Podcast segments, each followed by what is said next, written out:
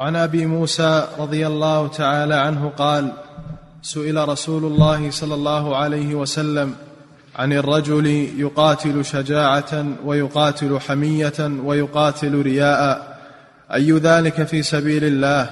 فقال رسول الله صلى الله عليه وسلم من قاتل لتكون كلمة الله هي العليا فهو في سبيل الله عز وجل.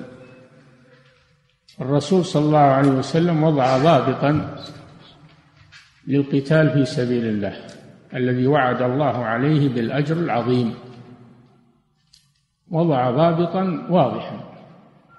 من كانت نيته بالقتال إعلاء كلمة الله فهو في سبيل الله.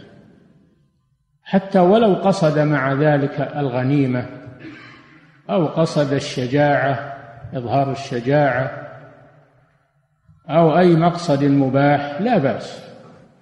أما إذا لم يقصد إلا هذه الأمور يقصد الغنيمة ولم يقصد اعلاء كلمة الله أو قصد إظهار الشجاعة ولم يقصد اعلاء كلمة الله أو قصد الحمية لقومه ولم يقصد إعلاء كلمة الله فهذا ليس في سبيل الله. لا يكون في سبيل الله إلا من قصد إعلاء كلمة الله. ولو قصد معها قصدا آخر لا يضر إذا كان من المباح. نعم.